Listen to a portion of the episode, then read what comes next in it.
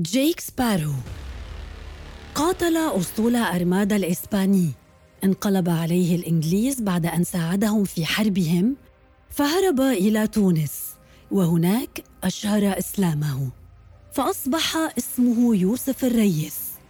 ولشدة ذكائه وحنكته وازدياد شهرته حاولت بريطانيا إعادته إليها لكنها فشلت مرارا وتكرارا. واليوم نعرفه كقرصان شرير سرق وقتل وظلم. فهذا ما وصلنا من هوليوود. أما الحقيقة فهي غير ذلك. فما هي القصة الحقيقية لقرصان الكاريبي؟ حرب الارمادا لا يعرف الكثير عن طفولة جيك سبارو إلا أنه ولد في عام 1553 في بلدة في جنوب شرق إنجلترا. ينحدر من عائلة فقيرة تقطن المناطق الساحلية وكان منذ صغره يحب الطيور فلقب بجيك سبارو التي تعني بالإنجليزية العصفور. بدأ مغامراته كبحار يعيش من صيد الأسماك حتى عام 1588 حيث قامت الارمادا الإسبانية بالهجوم على إنجلترا وكلمة الارمادا تعني الأسطول العظيم الذي لا يقهر. وكان رد إنجلترا على هذا الهجوم أنها منحت تراخيص للصيادين لمقاومة الهجوم الإسباني وللهجوم على سفن إسبانيا المحملة بالذهب من العالم الجديد. وكان من بين هؤلاء الصيادين الذين حصلوا على ترخيص رجل يدعى جيك سبارو. الذي أصبح من أخطر القراصنة في ذلك الوقت لشدة ذكائه وحنكته في الإبحار وتصديه للسفن الإسبانية. ولكن ومع وصول جيمس الأول إلى العرش عام 1603 بعد وفاة الملكة إليزابيث الأولى وانتهاء الحرب مع إسبانيا وخسارة الأخيرة الهيمنة البحرية لصالح إنجلترا.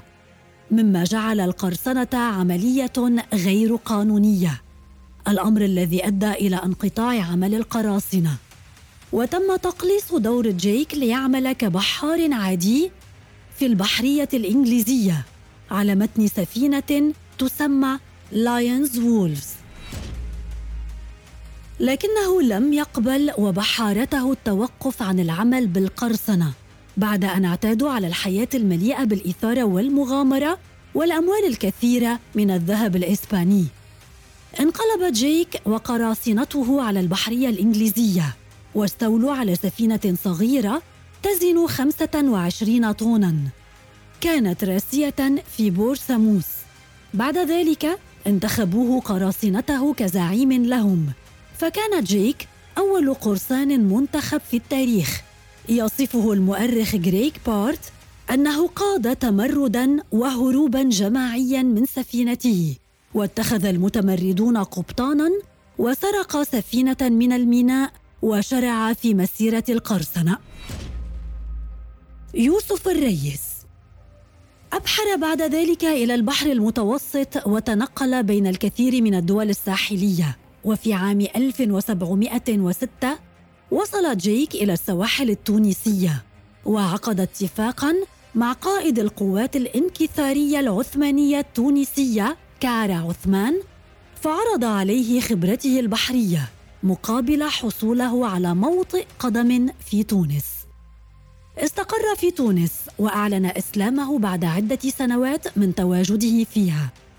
سمى نفسه بالريس يوسف أو يوسف الريس وامتنع عن شرب الخمور بعد إدمانه الكبير عليها. وأصبح بعد ذلك قائدا لأحد الأساطيل البحرية التابعة للبحرية العثمانية. بعد رحلاته البحرية الناجحة في البحر المتوسط زادت شهرته فأصدر الملك الإنجليزي عفوا عنه. ولكن جيك رفض العفو وانضم البحارة المبعوثون بالعفو لأسطوله. وهذا ما جعله بطلا لدى الكثير من الإنجليز خاصة الشباب. جراء ذلك تعرض لمحاولة اغتيال من قبل أحد رجاله بعد تلقيه رشوة لقتله غير أنه نجا منها وأصبح أقوى من قبل. فقرر الإنجليز اغتياله عن طريق بعض الكتابات والمسرحيات المغايرة لحياته ومواقفه. إلا أنه وبحسب وصف الأوروبيين الذين كانوا يزورون تونس فقد كان حسن الخلق وينفق على الإنجليز القاطنين فيها. تزوج أثناء حياته في تونس بفتاة إيطالية من صقلية تدعى ياسمينة. في الربع الأول من القرن السابع عشر تعرض العالم لموجات من وباء الطاعون ومات منها الملايين. كان من بينهم يوسف الريس أو جيك سبارو وانتهت بموته حكاية روبن هود البحر حيث كان بعد كل عملية قرصنة يقوم بتوزيع المال على الفقراء. وقد سمى احدى سفنه بجون الصغير تيمنا بروبن هود حيث أن جون الصغير هو اسم صديق روبن هود. بعد عقود طويلة وتحديدا في عام 2003 قامت شركة وولت ديزني بإنتاج سلسلة من أفلام قراصنة الكاريبي التي لاقت نجاحا كبيرا على امتداد العالم وتجاوزت أرباحها لأربع مليارات دولار. كان بلا شك من أهم أسباب نجاح السلسلة هي شخصية جيك سبارو التي قام بها الممثل الأمريكي جوني ديب الذي رشح لجائزة أوسكار غير أن هوليوود قد شوهت شخصية جيك سبارو الحقيقية فلم تظهره على حقيقته ولم تتناول قضية إسلامه وتحوله إلى رمز شعبي ملهم للشباب الإنجليز.